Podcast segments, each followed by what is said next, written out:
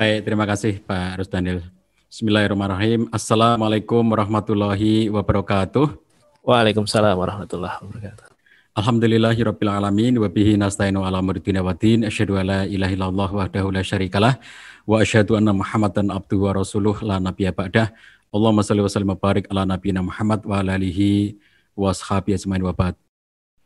Bapak-bapak, ibu-ibu yang dirahmati Allah SWT, di mana pun Bapak Ibu sekarang sedang berada ya, sebagian mungkin ada yang harus piket di kantor, tapi yang lainnya mungkin kerja di rumah, atau sebagian mungkin sedang ada tugas di lapangan sambil uh, menyimak uh, Zoom kita kali ini. Alhamdulillah kita diberikan kesempatan oleh Allah SWT untuk bisa berjumpa kembali, bersilaturahim. Beberapa waktu yang lalu kita sudah berbincang pada tema membangun keharmonisan keluarga lima fase dalam keharmonisan keluarga itu pada kali ini tema kita adalah memahami konsep uh, strong family. Bapak Ibu yang dirahmati Allah SWT, strong family secara istilah kalau uh, dalam konteks akademik ya, itu uh, dibuat oleh John DeFriend dan timnya yang melakukan studi selama 30 tahun uh, di lebih dari 40 negara. Jadi dia meneliti dalam waktu yang panjang ya, 30 tahun di lebih dari 40 negara, termasuk Indonesia salah satu negara yang diteliti oleh John DeFriend. Nah, saya uh, perlu menyebutkan itu terlebih dahulu karena uh, kita menggunakan istilah yang digunakan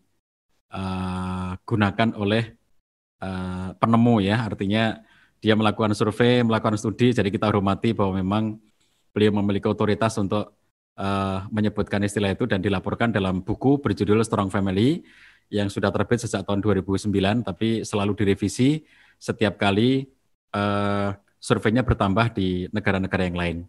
Eh, cetakan terakhir kemarin di tahun 2019 uh, buku Strong Family itu. Tapi belum ada yang terjemahan ya, masih berbahasa Inggris, jadi belum ada yang diterjemahkan ke dalam bahasa Indonesia.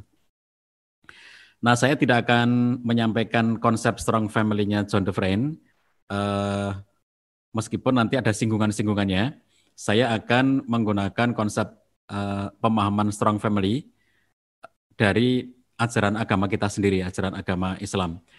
Uh, konsepnya John DeFriend itu dalam konteks kerangka umumnya tidak ada yang bertentangan dengan Islam. Jadi kalaupun kita belajar dari poin-poin yang disampaikan oleh John DeFriend seperti dia menyampaikan 20 prinsip strong family, kemudian ada enam ciri strong family, itu sepanjang kita membahasakan dengan bahasa agama kita itu masuk semuanya. Jadi tidak ada yang bertentangan ya. Sehingga konsep itu pun bisa dipakai. Tapi saya yakin ingin meninjau kepada sesuatu yang lebih uh, fundamental, yang lebih mengakar gitu. Sehingga pemahaman kita tentang strong family itu betul-betul bermula dari akarnya. Nah, Bapak Ibu yang dirahmati Allah SWT, keluarga yang kuat itu kalau dalam perspektif kita sebagai seorang muslim, maka kekuatan itu sangat ditopang oleh kekuatan fondasinya. Oleh karena itu yang harus kita kuatkan pertama kali adalah kekuatan fondasi. Kita sebagai seorang muslim itu dalam segala sesuatu kehidupan kita itu ya Bapak Ibu sekalian, tidak ada yang pernah bisa kita lepaskan dari fondasi. Segala sesuatu, apa saja. Ketika misalnya kita bekerja, di mana pun Bapak Ibu bekerja ya, di kantor OJK atau yang lainnya, tapi pekerjaan kita itu tidak pernah bisa kita lepaskan dari fondasi-fondasi keimanan dan ketakwaan kita kepada Allah SWT. Artinya kita tidak pernah mengatakan bahwa kerja itu urusan mencari uang, sementara kalau ibadah, pendekatan diri pada Allah itu urusan ketika kita di masjid. Nah, kita tidak mengatakan seperti itu. Kalau di luar sana, oh, di negara-negara yang uh, bukan muslim ya, banyak orang mengatakan uh, keterpisahan. Jadi misalnya kayak mereka mengatakan seni untuk seni misalnya. Mereka berkarya dalam konteks kesenian lalu menganggap bahwa kesenian, seni itu sesuatu yang sebenarnya bebas nilai. Nah, kita tidak pernah memiliki satu ruang di mana kita bisa bebas nilai, itu enggak ada ya. Jadi, ruangan hidup kita sebagai seorang muslim itu selalu ada value di dalamnya. Apa pun, sedang sendiri atau sedang bersama. Sedang sendiri juga ada value-nya, bersama-sama juga ada value-nya. Dalam bidang uh, apa pun yang kita lakukan ya, ada yang menekuni bidang-bidang ekonomi, ada yang bidang sosial, bidang pendidikan, bidang kesehatan, bidang budaya, bidang seni, olahraga atau apa saja, jurnalistik, ya, media dan seterusnya. Seluruhnya termasuk politik, apa saja yang digeluti oleh manusia muslim itu semuanya memiliki value yang harus dibawa dalam kehidupan kita. Nah, oleh karena itu dalam kehidupan rumah tangga juga demikian. Tidak ada kalau misalnya orang-orang yang tidak memiliki fondasi keimanan, mereka akan mengatakan nikah itu karena aku suka sama kamu, kamu suka sama aku. Karena aku cinta kamu dan kamu cinta aku, maka kita menikah. Jadi semata-mata hanya berdasarkan pada perasaan-perasaan aku suka sama kamu, kamu suka sama aku. Nah kalau kita sebagai orang beriman itu tidak begitu. Sejak dari proses awalnya kita menentukan calon pasangan hidup kita, kemudian kita membangun kehidupan berumah tangga, semuanya itu di uh, dalam konteks value, nilai-nilai dan itulah yang paling menjadi kekuatan utama. Kalau kita mengatakan strong family, kuat itu karena pondasinya kuat. Bapak Ibu kalau menyaksikan fenomena musibah di Indonesia ya, karena negara kita ini termasuk negara yang sangat banyak musibahnya secara alam ya. Sebetulnya mirip dengan Jepang ya. Jepang itu negara yang juga secara alam itu banyak banget kemiripan uh, musibahnya dengan Indonesia. Kayak misalnya gempa di Jepang sering gempa, tsunami Jepang juga sering tsunami gitu. Jadi di, di beberapa titik musibah itu kita agak mirip gitu. Cuma kalau kita lihat kemudian tingkat kerusakannya akan berbeda. Mengapa berbeda? Salah satunya adalah misalnya pada contoh kemarin tsunami Aceh atau gempa Jogja 2006 ya. Kalau tsunami Aceh 2004 itu banyak banget karena kebetulan saya tinggal di Jogja, pada saat 2006 ada gempa itu, saya menyaksikan dengan mata kepala saya sendiri bagaimana bangunan-bangunan itu hancur, termasuk rumah yang waktu itu kami pakai, karena waktu itu kami masih mengontrak rumah, itu rumahnya hancur. Dan begitu kita lihat, saya uh, kemudian juga bersama dengan uh, masyarakat yang lainnya, itu ikut terlibat menjadi relawan di uh, daerah-daerah gempa pada waktu itu ya. Jadi kami menyaksikan bagaimana rumah-rumah hancur itu ternyata memang tidak cukup kuat fondasinya dan tidak ada strukturnya. Nah itulah sebabnya maka Dr. Sulaiman Al-Ashkor ketika memberikan penjelasan dari Quran surat At-Taubah ayat 109, eh, beliau menyatakan bahwa ayat itu memberi gambaran kepada kita tentang pentingnya fondasi dan struktur. Di dalam Quran surat At-Taubah ayat 109 Allah SWT menyatakan A'udzubillahi minasyaitonirrajim afaman assasa bunyanahu ala taqwa minallahi waridwan khairun amman asasa bunyanahu ala syafa jurufin har fanharobi fi nari jahannam. Apakah orang-orang yang menegakkan bangunannya di atas pondasi takwa dan keriduan kepada Allah SWT itu lebih baik ataukah orang-orang yang menegakkan bangunannya pada tepian jurang yang mau runtuh?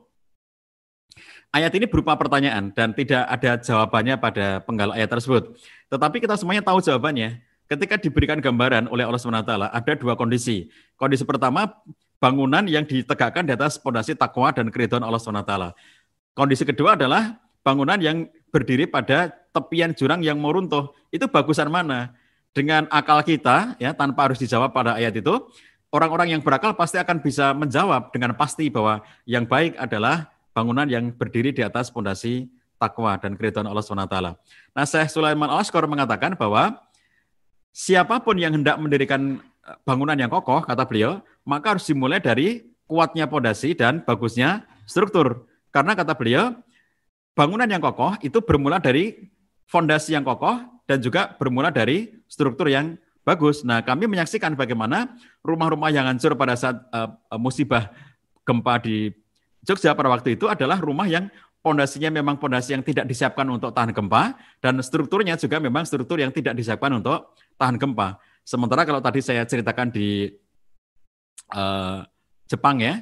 Di Jepang itu uh, banyak kita jumpai uh, satu kondisi di mana bangunan itu memang sudah sangat disiapkan ya untuk tahan gempa ya, tahan tsunami gitu. Sehingga meskipun ada gempa, korbannya sedikit secara kerusakan bangunan. Demikian juga ketika ada tsunami, korbannya sedikit ketika ada uh, tsunami itu. Jadi korban dari kerusakan bangunannya sedikit. Kenapa? Karena memang sudah menyiapkan fondasi yang bagus dan struktur yang bagus. Nah, kata Syekh Sulaiman Al-Ashqar dalam kitab Zubdatu Tasir min Fathil Qadir, beliau mengatakan maka ini juga berlaku bagi siapa pun orang yang pengen mendirikan bangunan apa saja, termasuk kata beliau adalah orang-orang yang memiliki cita-cita yang tinggi. Jadi kalau kita pengen punya, kalau kita memiliki cita-cita yang tinggi, harapan-harapan yang tinggi yang hendak kita uh, wujudkan dalam kehidupan itu harus bermula dari kekuatan uh, pondasinya. Nah, jadi keluarga juga demikian, Bapak-Ibu sekalian ya. Keluarga kita itu akan tahan gempa, tahan tsunami, tahan berbagai macam guncangan dalam kehidupan ya. Apabila kita punya fondasi yang kokoh, keluarga kita akan mudah sekali terombang-ambing. Keluarga kita akan mudah sekali terinfeksi oleh virus-virus.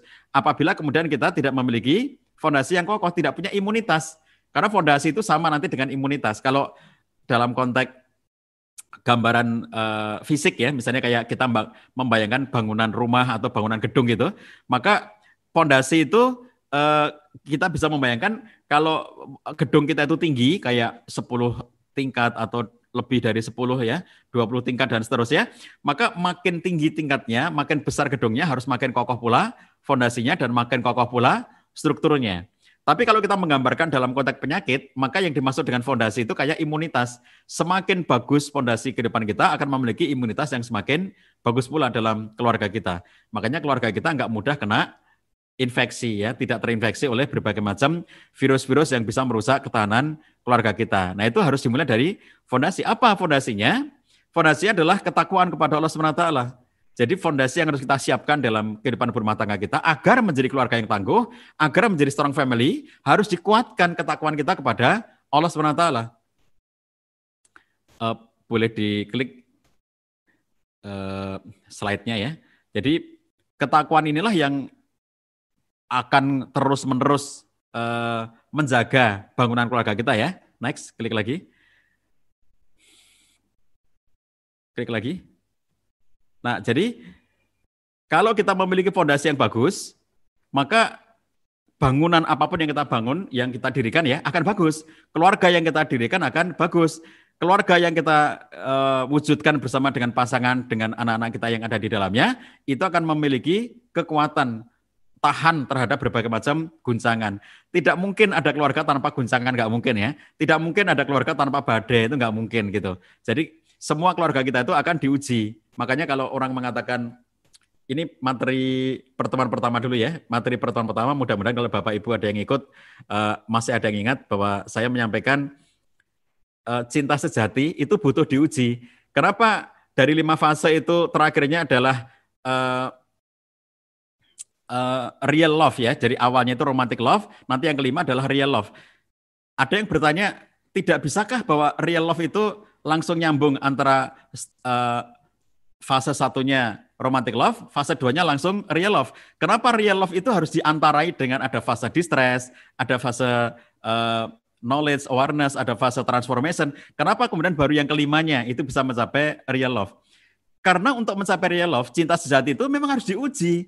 Tidak mungkin kita mengetahui kualitas cinta seseorang kalau tidak ada ujiannya. Jadi kalau kita diuji, kemudian kita tetap setia ya, misalnya pasangan suami istri, ujiannya kadang-kadang tidak punya apa-apa ya, nggak ada harta, kena PHK karena situasi pandemi, kemudian tidak ada uh, sediaan untuk dimakan sehari-hari, tidak ada investasi, tidak ada tabungan ya. Jadi betul-betul dalam situasi terpuruk, lalu tetap setia bersama dengan pasangannya. Nah ini cinta sejati itu teruji ya.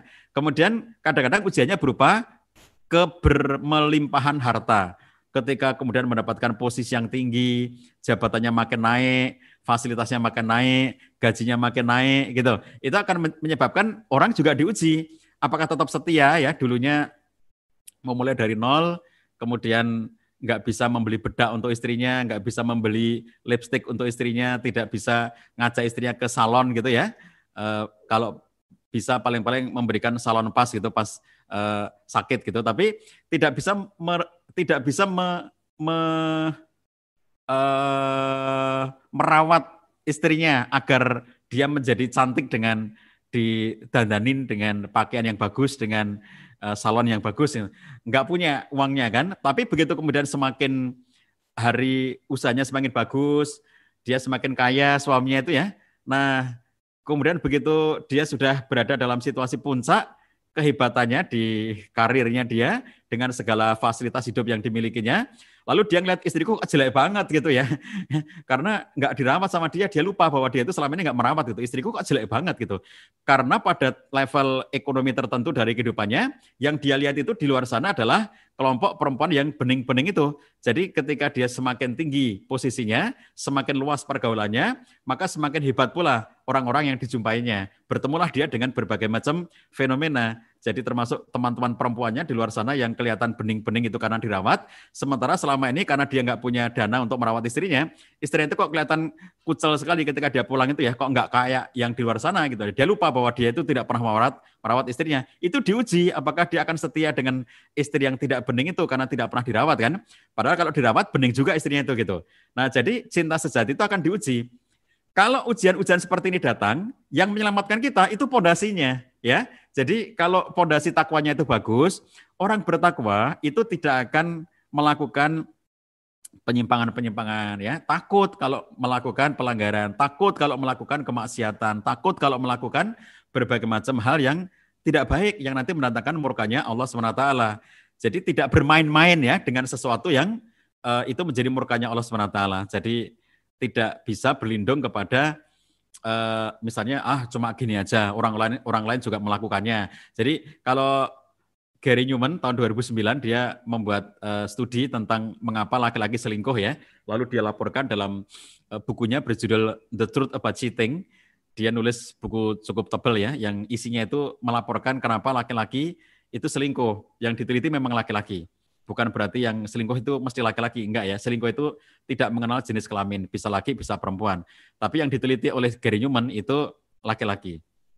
Nah, di antara yang eh, membuat laki-laki itu selingkuh, alasan yang paling banyak, lebih dari 70% adalah pengaruh teman. Artinya temannya itu selingkuh. Jadi dia mengatakan, kenapa lu selingkuh? Lah teman gue juga selingkuh. Itu selingkuh, itu selingkuh, itu selingkuh. Itu. Jadi karena dia menyaksikan teman-temannya pada selingkuh, seakan-akan kalau dirinya nggak selingkuh itu nggak hebat gitu ya. Oh laki-laki cemen lu, laki-laki takut sama istrinya, nggak berani selingkuh gitu. Jadi teman-teman lu sudah selingkuh semua, tinggal lu yang nggak selingkuh gara-gara lu itu takut sama bini lu. Gara-gara dikomponi terus menerus selingkuh juga dia. Meskipun sebelum sebelumnya itu dia nggak punya nggak punya wajah selingkuh, tidak punya hobi selingkuh gitu. Tapi karena kemudian dia sering dikompor-kompori sama lingkungannya itu, akhirnya kemudian dia ikut juga karena dia takut kalau kemudian dinilai sebagai orang yang uh, tidak hebat atau dianggap sebagai takut sama istrinya gitu. Nah, pengaruh lingkungan kan, jadi ini kan kayak kalau dalam kehidupan sehari-hari kita, ini abaikan soal COVID ya, kita bicara flu. Kalau COVID ini nggak bisa dicontohkan. Tapi kalau kita bicara flu itu bisa dicontohkan. Kalau kita dalam kehidupan sehari-hari yang pas nggak masa pandemi ini ya, itu kan flu itu kan virusnya ada di mana-mana kan. Jadi bapak-bapak, ibu-ibu lagi di satu ruangan, entah di masjid, entah di kantor, entah di ruang-ruang publik lainnya ya, di uh, apa namanya di kereta api, di tram segala macam apa KRL gitu. Itu sebetulnya ada virus-virus flu di situ itu ya.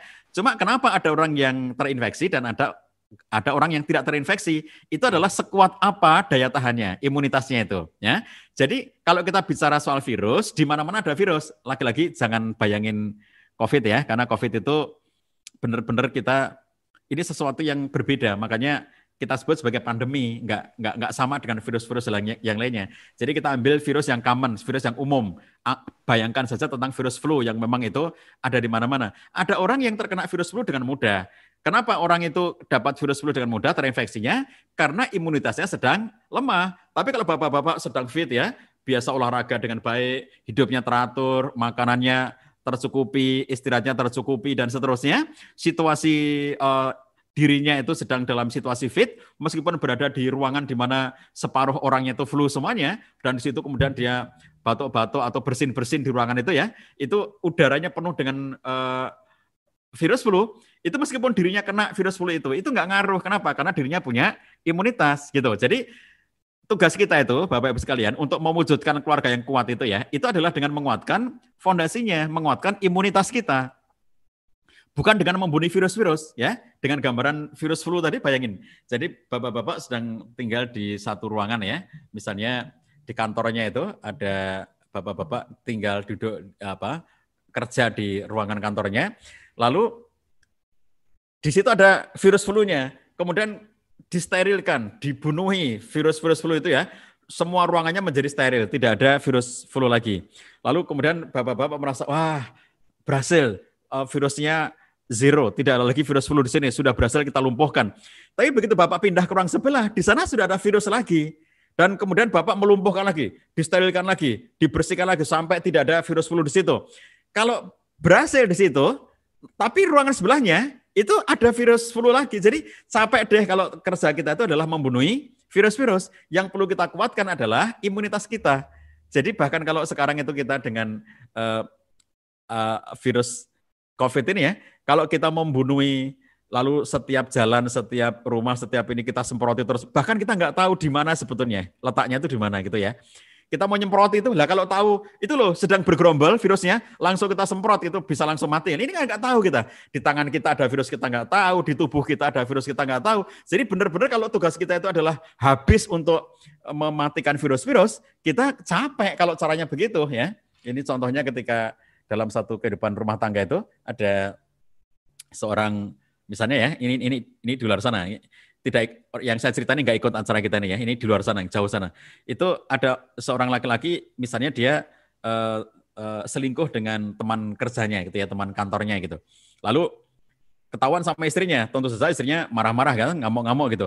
Lalu kemudian saking marahnya si istri ini kemudian mendatangi kantor suaminya itu, kemudian dia ngamuk kepada perempuan yang dianggap menggoda suaminya itu, lalu dia mencakari perempuan itu, dia menteror perempuan itu, dia telponi, dia kirim pesan-pesan untuk menekan dan menteror perempuan itu gitu. Itu sama dengan perilaku membunuh virus-virus. Jadi sampai akhirnya berhasil dilumpuhkan. Wah, ini seorang perempuan yang menggoda suamiku akhirnya berhasil dilumpuhkan, dicakari, dimaki-maki, di uh, buat dia tidak berdaya gitu ya. Ah, selesai, virusnya sudah tewas gitu. Tapi di ruangan sebelah ada virus lagi. Di sebelah sana juga ada virus lagi. Virus itu ada di mana-mana.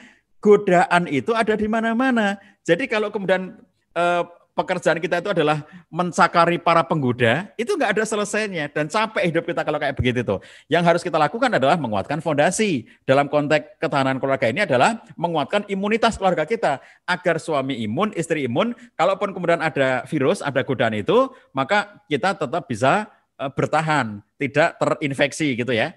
Kalau kita fit, imunitasnya bagus, itu walaupun godaan kayak apa pun datangnya gitu ya, kita tetap akan memiliki imunitas gitu. Kita nggak akan mempan gitu. Yang menjadi masalah itu adalah ketika tidak tidak punya imunitas yang bagus.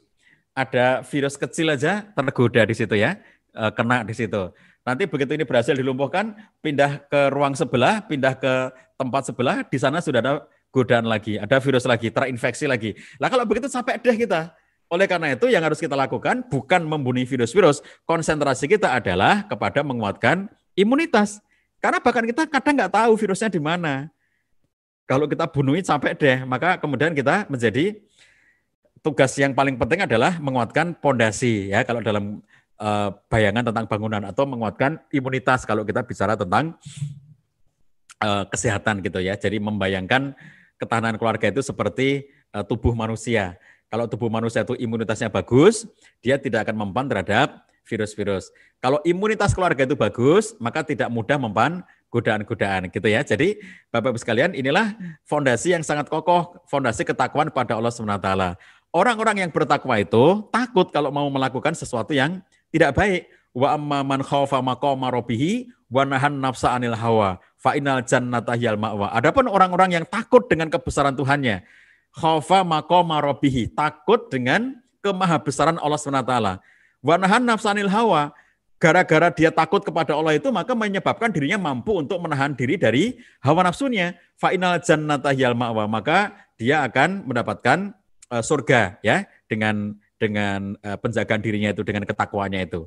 Nah, jadi oleh karena itu Bapak Ibu sekalian, yang perlu kita kuatkan adalah pondasi takwa dalam kehidupan sehari-hari. Dan Allah sudah menyatakan kepada kita wa tazawwadu fa khairazati taqwa. Berbekalah kalian karena sebaik-baik perbekalan adalah takwa.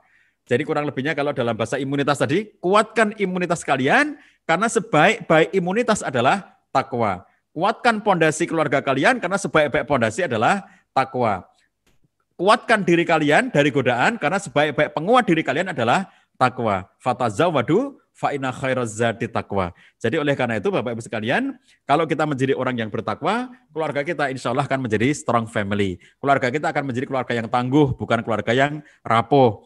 Keluarga yang rapuh itu ya kena godaan sedikit, ya Allah, Masya Allah. Betapa mudahnya orang tergoda ya. Gara-gara teknologi tergoda. Reuni tergoda. Grup mantan tergoda. Grup mantan. Grup alumni, maaf. Jadi saya kalau ngelihat ada orang-orang kadang-kadang uh, bersandaria di grup alumni gitu ya, itu kalau orang itu nggak punya masa lalu seperti tidak punya mantan di di alumni itu alumni SMP, alumni SMA, alumni kuliah gitu ya. Kalau orang itu dulunya sih nggak ada sesuatu di uh, teman-temannya itu ya nggak apa-apa di ya bercanda, bergurau, bergaul nggak apa-apa. Tapi kalau dulunya di kelas itu ya di SMP itu atau di SMA itu atau di kuliah itu ada seseorang yang sangat istimewa yang pernah masuk dalam hidupnya. Bahaya ya.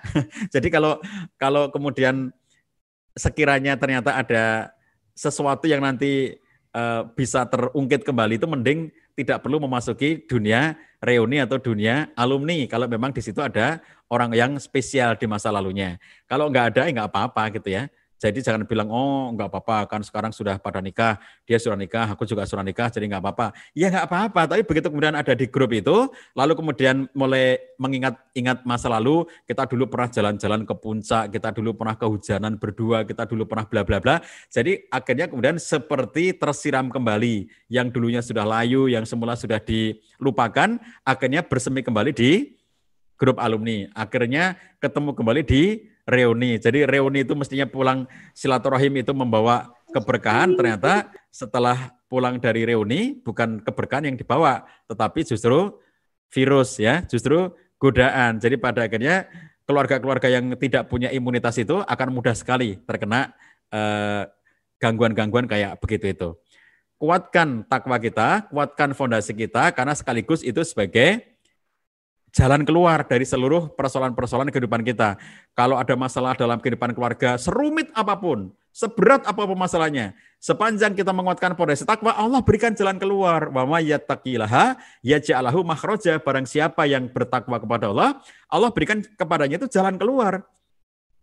Tidak peduli serumit apa masalahnya, tidak peduli seberat apa pun masalahnya, tidak peduli se uh, gelap apa pun persoalan hidup yang sedang menimpa keluarga itu, sepanjang kita bertakwa wa mayyattaqilaha yaj'alahu makhraja selalu ada jalan keluarnya. Bahkan masalah-masalah ekonomi sedang dirundung problem-problem ekonomi yang berat karena sekarang pandemi tidak bisa jualan, tidak bisa eksis di, di pekerjaan sampai akhirnya ada yang ke PHK, sampai akhirnya usaha-usahanya tutup dan segala macam. Situasi ekonomi yang berat. Kalau bertakwa, wa yarzuqhu min tasib. Allah berikan rezeki dari arah yang tidak disangka. Enggak nyangka deh, Masya Allah. Allah SWT berikan rezeki dengan cara yang kayak begini yang tidak pernah dibayangkan sebelumnya kayak apa pun berat dalam kehidupan kita ya Bapak Ibu sekalian, kalau kita menghadapi masalah-masalah dalam rumah tangga itu ya, kadang-kadang merasa rumit, kadang-kadang merasa berat, kadang-kadang merasa uh, sangat sangat memberatkan kita, membuat sesak nafas kita karena beratnya masalah itu. Wa yaj'alahu min amrihi yusra. Barang siapa yang bertakwa kepada Allah, semuanya dimudahkan oleh Allah. Jadi jangan takut akan ketemu masalah. Tapi takutlah kalau kita tidak menjadi orang bertakwa. Kalau menjadi orang bertakwa, semua masalahnya dimudahkan, semua urusannya dilancarkan, semua problem hidupnya mendapatkan jalan keluar. Bahkan problem ekonominya mendapatkan rezeki dari arah yang tidak disangkanya. Bahkan kemudian ketika kita tidak tahu bagaimana caranya, Allah ngajari karena kita bertakwa wattaqullah wa yu'allimukumullah bertakwalah kepada Allah, Allah akan ajari caranya kepada kamu. Kalau tidak tahu ya Allah bagaimana caranya keluar dari masalah ini, Allah beritahu. Bertakwalah kepada Allah. Wa yu'allimukumullah. Allah ajari caranya kepada kamu. Aku nggak tahu ya Allah bagaimana cara komunikasi yang baik dengan suamiku. Wattakullah wa yu'allimukumullah. Bertakwalah kamu kepada Allah. Allah ajari kamu bagaimana cara berkomunikasi yang baik dengan suami. Ya Allah, aku nggak tahu bagaimana cara mendidik Allah, mendidik anak. Anak-anak kami sulit dididik, ya Allah bagaimana caranya mendidik anak ini. Wattakullah wa yu'allimukumullah. Bertakwalah kepada Allah. Allah ajari kamu bagaimana cara mendidik anak yang baik. Seluruh problem hidup kita itu akan bisa terselesaikan kalau punya fondasi ketakwaan. Inilah strong family ya. Keluarga yang kokoh adalah keluarga yang fondasinya ketakwaan pada Allah SWT. Keluarga yang kokoh adalah keluarga yang punya fondasi yang kuat sehingga tidak mudah kena virus, tidak mudah kena godaan, tidak pernah, tidak mudah uh, goyah oleh karena adanya berbagai macam musibah, gempa, tsunami, segala macam ya. Kalau bayangin bangunan-bangunan rumah itu, bangunan keluarga kita tidak akan mudah terkena berbagai macam penyakit, tidak mudah terkena berbagai macam uh, godaan, gangguan, apabila memang kita sudah uh, menguatkan fondasi ketakwaan kita kepada Allah SWT. Kemudian yang kedua, Bapak sekalian, next, kalau kita ingin punya keluarga yang kuat, strong family, maka kita bagi yang muslim, bagi Bapak Ibu yang beragama Islam, kita semuanya yang beragama Islam, itu harus menjadikan Nabi SAW sebagai teladan utama kita. Kayak apa sih keluarga yang kuat itu? Itu kalau tidak ada teladannya susah kita. Misalnya cuma teori ya, keluarga yang kuat adalah misalnya gitu. Cirinya begini, prinsipnya begini, tapi nggak ada contohnya. Kalau nggak ada contohnya, repot kita. Makanya kemudian dalam Islam ini kita mendapatkan bukan hanya teori, bukan hanya Eh, fondasi-fondasi uh, yang diberikan kepada kita, tapi sekaligus bangunan di atasnya dengan contoh nyatanya gitu. Makanya contohnya sudah disediakan. Kita punya fondasi yang harus kuat, tapi juga mendapatkan contoh keteladanan yang nyata. Nah kita lihat ya beberapa keteladanan dari Nabi SAW. Keluarga kita itu akan menjadi kuat, Bapak-Ibu sekalian, kalau di rumah tangga itu dipimpin oleh seorang suami yang baik. Bahkan suami terbaik. Siapakah suami yang terbaik itu? Khairukum khairukum li ahli wa na khairukum li ahli. Sebaik-baik kalian adalah yang terbaik bagi istrinya dan aku adalah yang terbaik di antara kalian terhadap istriku. Jadi Bapak Ibu sekalian kalau di antara kita nih ya yang hadir ini ada uh, kaum laki-laki, bapak-bapak. Siapa di antara kita yang paling baik? Yang paling baik di antara kita adalah yang paling baik sikapnya kepada istrinya. Yang paling memuliakan istrinya. Yang paling pandai menghargai istrinya. Yang berlaku lembut kepada istrinya. Yang mampu untuk berlaku santun kepada istrinya. Itulah laki-laki yang baik. Coba, keluarga kita itu akan kokoh kalau dipimpin oleh seorang suami yang terbaik seperti ini. Next, Nabi juga menyatakan kepada kita dalam hadis yang lainnya adalah khiyarukum. Kalau tadi hadisnya adalah khairukum, kalau hadis yang kedua ini adalah khiyarukum. Akmalul mu'minina imanan ahsanuhum khulukon. Wa khiyarukum khiyarukum linisa ihim khulukon. Di sini ada kata-kata khiyarukum, khiyarukum linisa ihim khulukon. Siapakah orang yang paling baik? Orang yang imannya paling sempurna di antara orang-orang beriman adalah orang yang paling bagus akhlaknya di antara mereka. Lalu khiyarukum khiyarukum linisa ihim khulukon. Dan sebaik-baik kalian adalah yang paling baik akhlaknya kepada istrinya. Bagaimana contoh akhlak yang baik itu? Nabi SAW selain memberikan contoh berupa perbuatan praktis, beliau juga menyampaikan arahan. Misalnya contohnya, almaru kadil in akom taha kasar taha. Perempuan itu kayak uh, tulang rusuk yang bengkok. Kalau kamu memaksanya, dia akan patah. Artinya apa? Jangan maksa tidak boleh melakukan paksaan-paksaan karena itu nanti justru tidak akan meluruskan. Justru yang terjadi adalah mematahkan. Dalam hadis yang lainnya Nabi SAW menyatakan, uh, urfuk bil kawarir. Berlaku lembutlah kamu kepada al kawarir. Apa itu kawarir? Kawarir itu jamak dari koruroh. Apa itu koruroh? Koruroh adalah uh, gelas kaca. Ya, jadi ketika Nabi SAW mengatakan urfuk bil kuarir, itu artinya Nabi menyuruh kita semuanya kaum laki-laki untuk tidak kasar kepada istrinya, untuk tidak uh, melakukan tindakan kekerasan kepada istrinya. Orang yang laki-laki yang paling baik yang dinyatakan oleh Nabi SAW khiyarukum khiyarukum linisa ihim khulukon itu artinya laki-laki ini pandai merawat gelas kaca itu sehingga tidak retak, tidak pecah. Itu akhlak yang baik. Makanya tidak ada contoh dari Nabi SAW, Nabi itu membentak istri, Nabi itu memaki-maki istri, nggak ada contohnya. Karena itulah akhlak yang baik. Sehingga kita di zaman sekarang itu kebalik-balik. Kalau ada orang ya, nerima telepon ini gini, ada teman bapak-bapak ini kerja di kantor ya, terus temannya nerima telepon, halo, iya ibu, gimana dek? Iya dek, oh, oh, bapak lain lembut gitu ya, Nanti diketawain sama teman, oh itu ketakutan sama istrinya katanya gitu. Jadi orang yang justru lembut kepada istrinya, malah kemudian dia ditertawakan sebagai orang yang takut kepada istri. Karena takut dikatakan takut kepada istri, nggak mau kan dikatakan, oh itu ketuanya istri di OJK, ikatan suami takut istri, atau istiqomah, ikatan suami takut istri kalau di rumah. Karena nggak mau dikatakan sebagai ketua istri, akhirnya dia harus menunjukkan bahwa dia berani sama istrinya. Jadi begitu ditelepon sama istrinya, apa? Kenapa telepon kayak begini? Kan sudah tahu aku di kantor, ngapain telepon? Jadi coba yang kasar kayak begitu itu bukan dari akhlak Nabi SAW. Nabi nggak pernah membentak istrinya, Nabi nggak pernah mengkasari istrinya. Coba perhatikan, bagaimana Nabi SAW dalam satu rombongan ya dengan kaum muslimin, para sahabat sedang berada dalam satu perjalanan bersama dengan Nabi SAW. Di antara kebiasaan Nabi adalah mengajak istrinya dalam perjalanan itu ya, sehingga ada yang kita kenal sebagai undian. Nabi SAW mengundi di antara istrinya. Uh, siapa yang akan ikut dalam satu perjalanan. Nah, pada waktu itu yang keluar adalah Aisyah, sehingga Aisyah uh, ikut ya dalam perjalanan itu.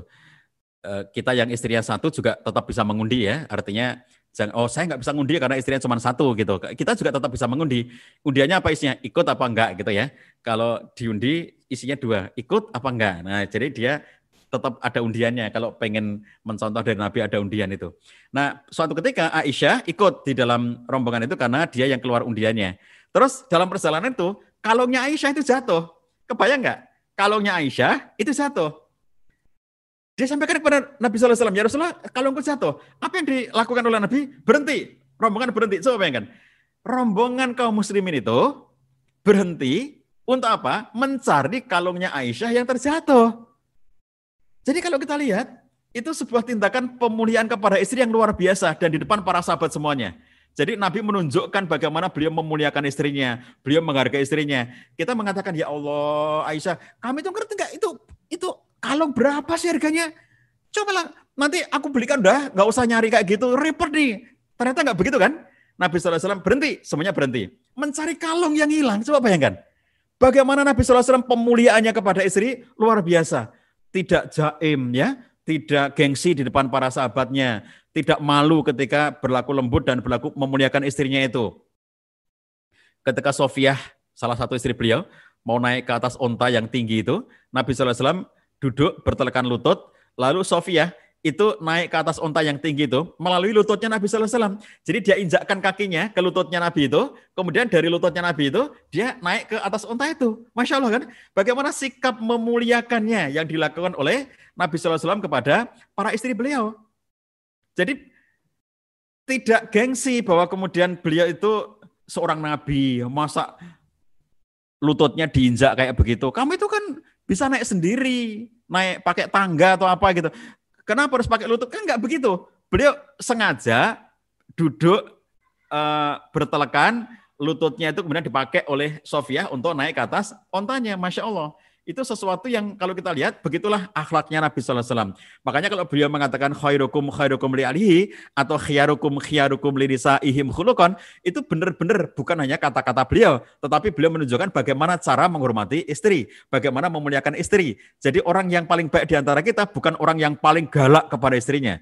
Kalau ditelepon orang lain lembutnya minta ampun, kalau yang nelpon istrinya galaknya dengan eh, kata-kata yang kasar itu bukan laki-laki yang terbaik. Di mata Nabi SAW, laki-laki terbaik adalah yang paling bisa berlaku lembut kepada istrinya. Next, kita juga melihat, eh, sahabat-sahabat sekalian, keluarga kita itu akan kuat ya. Apabila takwa tadi diaplikasikan dalam konteks kehidupan sehari-hari. Jadi pondasinya tadi takwa. Coba bagaimana dampak takwa itu dalam kehidupan seseorang. Uh, ada laki-laki datang kepada Hasan al Basri bertanya, aku punya anak perempuan dan dilamar oleh banyak orang kepada siapa aku menikahkan anak perempuanku. Lalu Hasan Basri mengatakan, nikahkan dia dengan laki-laki yang bertakwa kepada Allah SWT. Sebab kalau laki-laki yang bertakwa ini mencintai anak perempuanmu, mencintai istrinya, maka dia akan memuliakannya, menghormatinya. Tetapi kalau tidak menyukainya, tidak mencintainya, ia tidak akan berlaku zalim kepadanya. Masya Allah ya. Jadi keluarga itu akan baik-baik saja. Keluarga kita semuanya itu ya, itu akan baik-baik saja. Akan kuat, akan tahan terhadap berbagai macam dinamika dalam kehidupan kita. Sepanjang yang memimpin itu memang orang yang memiliki kebaikan budi pekerti, kebaikan akhlak. Nah, siapa orang yang eh, baik akhlaknya itu? Itu adalah orang yang bertakwa pada Allah SWT. Kalau dia bertakwa, pasti akhlaknya baik. Kalau dia memiliki ketakwaan, akan muncul dalam perilaku sehari-hari. Muncul dalam eh, akhlak yang mulia. Dua kondisi dinyatakan oleh Hasan al-Basri. Kalau laki-laki itu bertakwa kepada Allah, kalau mencintai istrinya, maka dia akan memuliakannya. Tapi kalau sedang tidak mencintai istrinya, maka dia tidak akan menzoliminya, tidak akan menyanyiakannya, tidak akan mentelantarkannya, tidak akan melukainya. Itu adalah laki-laki yang bertakwa. Hanya laki-laki yang bertakwa yang tidak berlaku zolim kepada istrinya. Hanya laki-laki yang bertakwa yang tidak mau melukai istrinya. Hanya laki-laki yang bertakwa yang tidak mau menyakiti istrinya, badan maupun uh, perasaannya. Tidak mau dia melukainya. Itulah laki-laki yang bertakwa. Tapi pertanyaannya, mengapa ada kata-kata seakan-akan pilihan ya?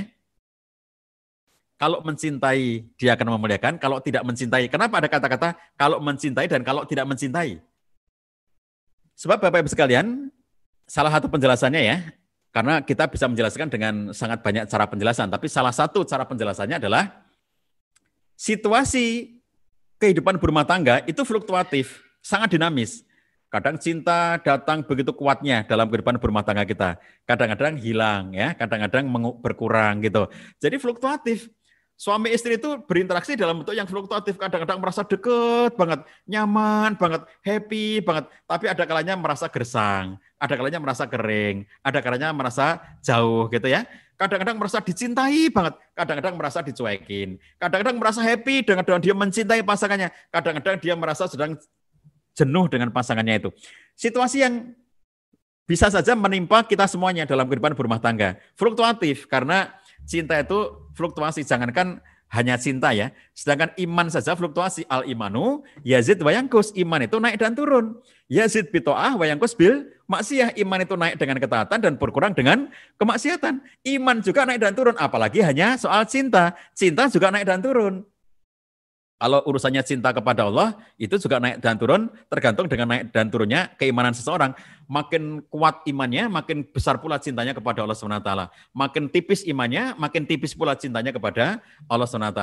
Nah kalau cinta dengan sesama manusia, itu fluktuasinya bisa lebih cepat lagi. Fluktuatifnya sangat dinamis gitu. Nah ketika orang bertakwa, laki-laki itu bertakwa kepada Allah SWT, kalau dia mencintai istrinya, mesti akan memuliakan si istri itu. Tetapi kalau sedang tidak mencintai karena uh, dinamika kehidupan tadi, maka dia tidak akan melukai, tidak akan menzolimi, tidak akan menyakiti, tidak akan menyanyiakan, tidak akan menyulitkan, tidak akan membuatnya menjadi terbebani dan seterusnya. Itulah uh, suami yang terbaik ya di dalam keluarga yang kuat itu, strong family, itu akan terwujud, keluarga kita akan baik-baik saja, keluarga kita akan kuat. Apabila rumah tangga itu, keluarga itu dipimpin oleh seorang laki-laki yang terbaik kepada istrinya. Next, di sisi lain, Bapak-Bapak sekalian, keluarga kita akan baik-baik saja.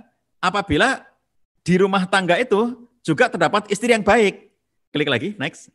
Jadi adil ya Nabi SAW menyatakan, next, klik lagi bahwa uh, istri yang terbaik itu itu adalah uh, perempuan yang kalau dilihat oleh suaminya itu tasruhu idza nadhara tuti'uhu idza amara wala tukhalifuhu fi nafsiha wa maniha bima yakrah. Menyenangkan jika dilihat suaminya mentaati jika diperintah tidak menyelisih suami pada diri dan hartanya sehingga membuat suami benci. Coba keluarga kita akan baik-baik saja, ya. Kalau dalam rumah tangga itu ada istri yang terbaik di situ. Jadi ada suami yang dengan akhlak yang terbaik, istri dengan perbuatan yang juga terbaik. Jadi kalau kita lihat di sini, Nabi Wasallam memberikan gambaran kepada kita tentang kebaikan-kebaikan itu secara berimbang. Nah, kadang-kadang ada orang mengatakan loh, kok yang jadi objek itu kok mesti perempuan terus ada orang bilang begitu ya. Enggak lah, coba lihat tadi. Laki-laki justru objek yang luar biasa loh. Sampai dikatakan siapa orang terbaik? Orang yang terbaik itu digambarkan oleh Nabi sebagai orang yang paling baik terhadap istrinya.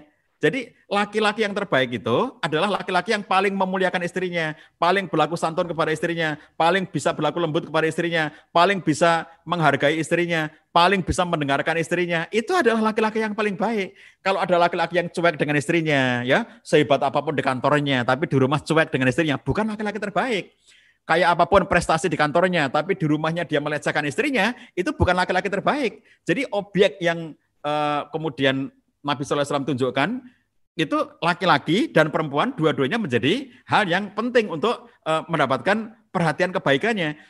Laki-laki terbaik menikah dengan perempuan yang terbaik. Siapa perempuan terbaik? Ini penjelasan dari Imam Asindi ya. hadis tadi itu yang menyatakan wanita solihah adalah yang menyenangkan jika uh, dilihat oleh suaminya ya, mentaati jika diperintah dan seterusnya. Next, dijelaskan oleh Imam Masidi, wanita yang berpenampilan menawan secara lahir dan berakhlak baik secara batin. Ya, siapa? Siapakah wanita yang disifatkan oleh Nabi Sallallahu Alaihi Wasallam sebagai syarotka idanazarta atau tasuruhu idanadara? Sama ya dalam hadisnya ada beberapa jalur periwayatan dengan teks yang sedikit berbeda tapi maknanya sama. Menyenangkan di apabila dilihat oleh suami yaitu perempuan yang berpenampilan menawan secara lahir dan berakhlak baik secara batin karena perempuan yang secantik apa pun, istri yang secara fisik itu cantik banget, istri yang secara fisik itu luar biasa menawannya secara fisik, kalau per, perilakunya, akhlaknya tidak baik, juga tidak menyenangkan.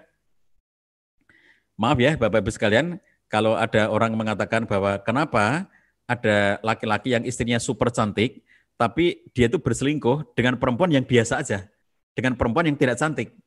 Nah tentu ada sangat banyak sebab ya, tidak ada sebab tunggal gitu nggak ada. Tapi fenomena seperti itu sering dijumpai. Kalau kami di ruang konseling itu ya, kami sering menjumpai fenomena di mana istrinya cantik jelita, tapi si laki-laki ini selingkuh dengan Eh, seorang perempuan yang kalau dilihat dari segi, segi fisiknya itu nggak sebanding sama sekali dengan uh, istrinya. Jadi sangat sangat berbeda gitu ya. Istrinya sangat cantik sementara selingkuhannya itu perempuan biasa-biasa saja secara fisik. Kenapa? Karena yang membuat laki-laki itu senang melihat itu ya, menyenangkan jika dipandang itu bukan semata-mata soal fisik. Jadi begitu dia cantik jelita, fisiknya sangat menggoda, tapi kalau sikap kepada suami tidak menyenangkan, suami pun tidak akan senang ketus kepada suami, suka bentak-bentak suami, suka melecehkan suami, suka mengungkit-ungkit hal-hal yang tidak baik dari suami, suka menunjukkan kelemahan-kelemahan suaminya dan diekspos di medsos. Dasar suamiku ini orang tidak baik, ditulis di Facebook, ditulis di Instagram. Sehingga berbagai hal kelemahan-kelemahan suaminya diungkap ke publik. Jadi secantik apa pun dirinya, itu menjadi hilang kecantikan fisiknya itu oleh karena perbuatannya yang tidak baik. Nah, oleh karena itulah Ibnu Qudamah ya menyatakan dalam Al-Mughni disebut kecantikan di sini karena cantik itulah yang lebih menantarakan jiwa dan menundukkan pandangan suami, tidak melirik wanita lain. Itu pun akan menyempurnakan rasa cinta suami istri. Oleh karena itu dituntut adanya nazar melihat calon sebelum menikah. Jadi seorang perempuan yang dia sudah baik akhlaknya, baik kepribadiannya, lalu menyempurnakan dengan kebaikan fisiknya. Jadi ibu-ibu sekalian, jangan malas berdandan, jangan malas ke salon, jangan malas merawat kecantikan diri, jangan malas untuk merawat eh, kehalusan kulit ya dan seterusnya untuk menyenangkan suaminya. Jadi bukan untuk orang lain ya, tapi untuk menyenangkan suaminya supaya suami ngeliat dirinya itu dalam situasi cantik ya, terurus, terawat gitu ya. Eh, wangi, bersih, menarik gitu. Jadi kalau itu tidak dirawat, ya semua yang tidak dirawat itu akan akan hilang keindahannya.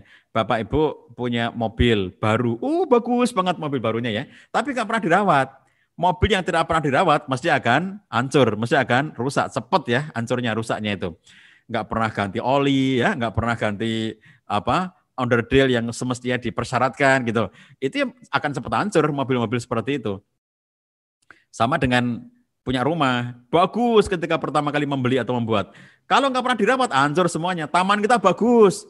Ini Bapak Ibu yang di rumahnya ada taman, itu contoh yang paling nyata ya Bapak Ibu. Taman itu bagusnya sebentar banget kalau tidak dirawat. ya. Begitu dirawat, bagus terus. Tapi begitu nggak dirawat, bagusnya taman kita sebentar banget. Bapak Ibu punya kolam ikan di rumah, ya, kolamnya kelihatan bening, bagus gitu.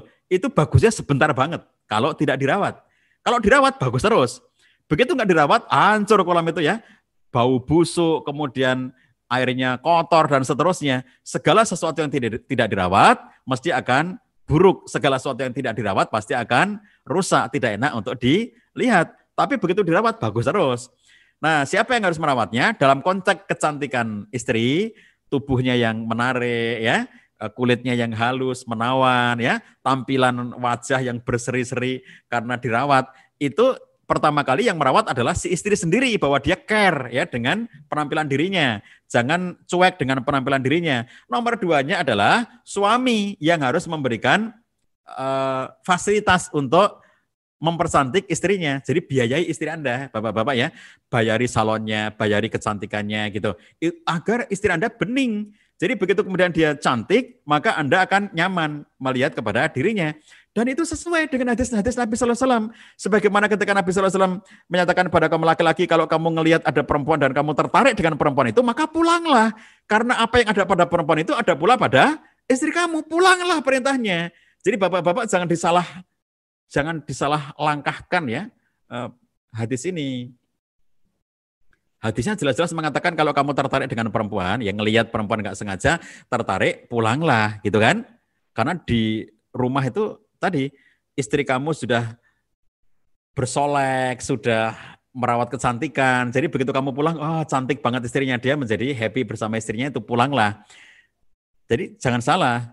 Jadi ada di antara laki-laki itu ya yang memahami hadis ini kalau ketemu perempuan dan kamu tertarik maka datangilah, tanyakan nomor handphonenya, lalu chattinglah, lalu datanglah ke rumahnya. Bukan begitu. Nabi SAW jelas-jelas mengatakan pulanglah gitu.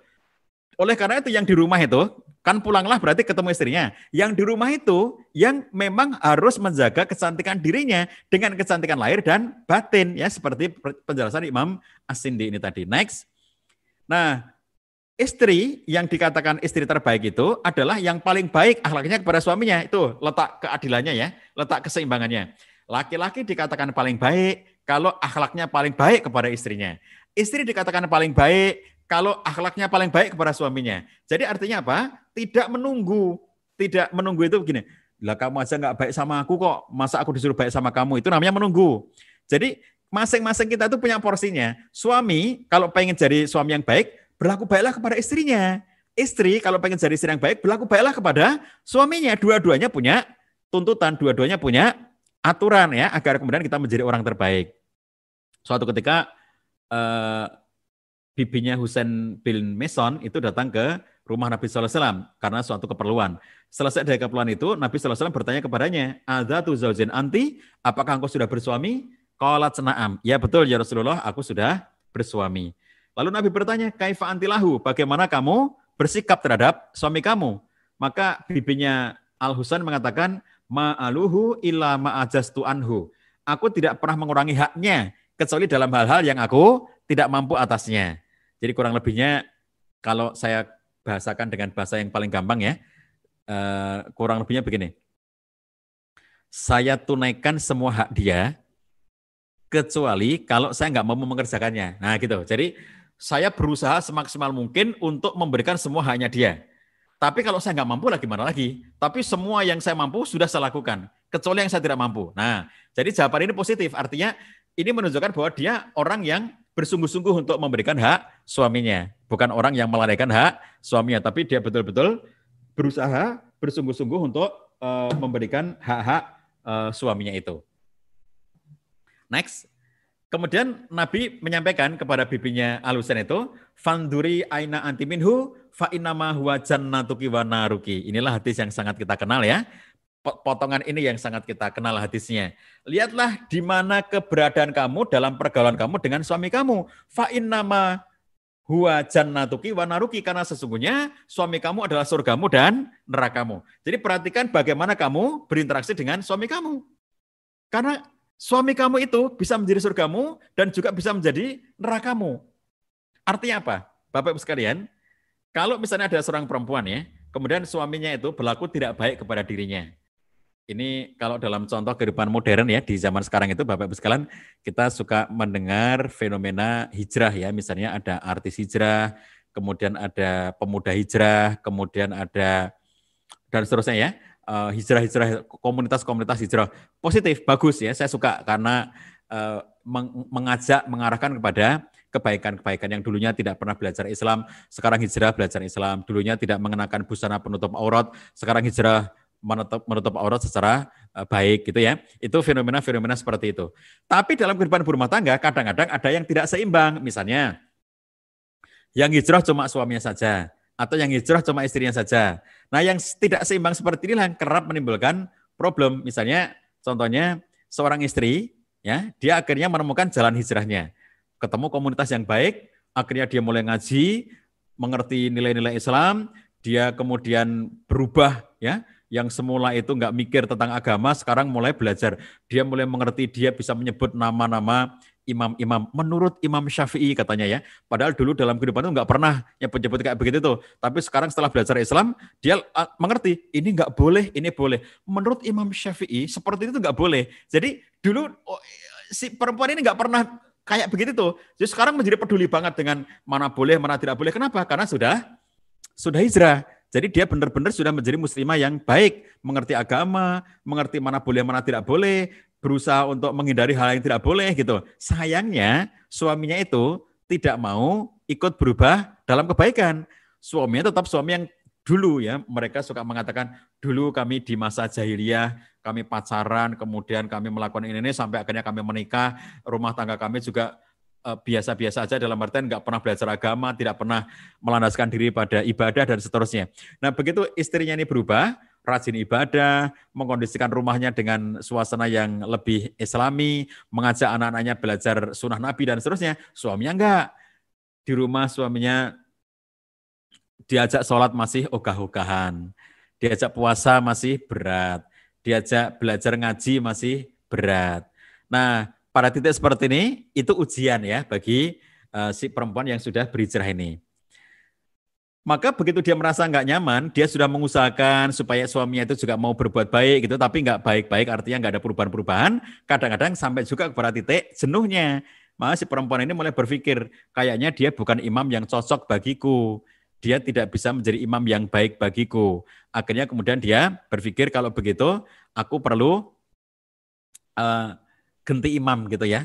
Ini nggak bisa bawa aku ke surga deh. Imamku ini bukan imam yang baik. Kalau begitu mending aku ganti suami saja. Jadi akhirnya kemudian berpikir, udah cerai aja. Ketimbang kemudian suami kamu itu nggak bisa membawa kamu ke surga.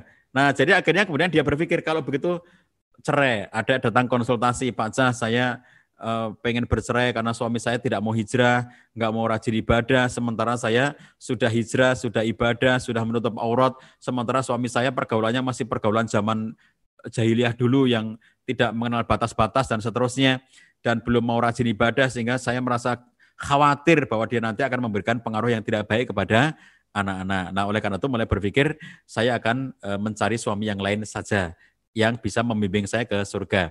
Nah, saya ingatkan dengan hadis ini, fanduri aina anti minhu, fa inama huwa jannatuki, wa naruki. Perhatikan bagaimana kamu bersikap kepada suami kamu.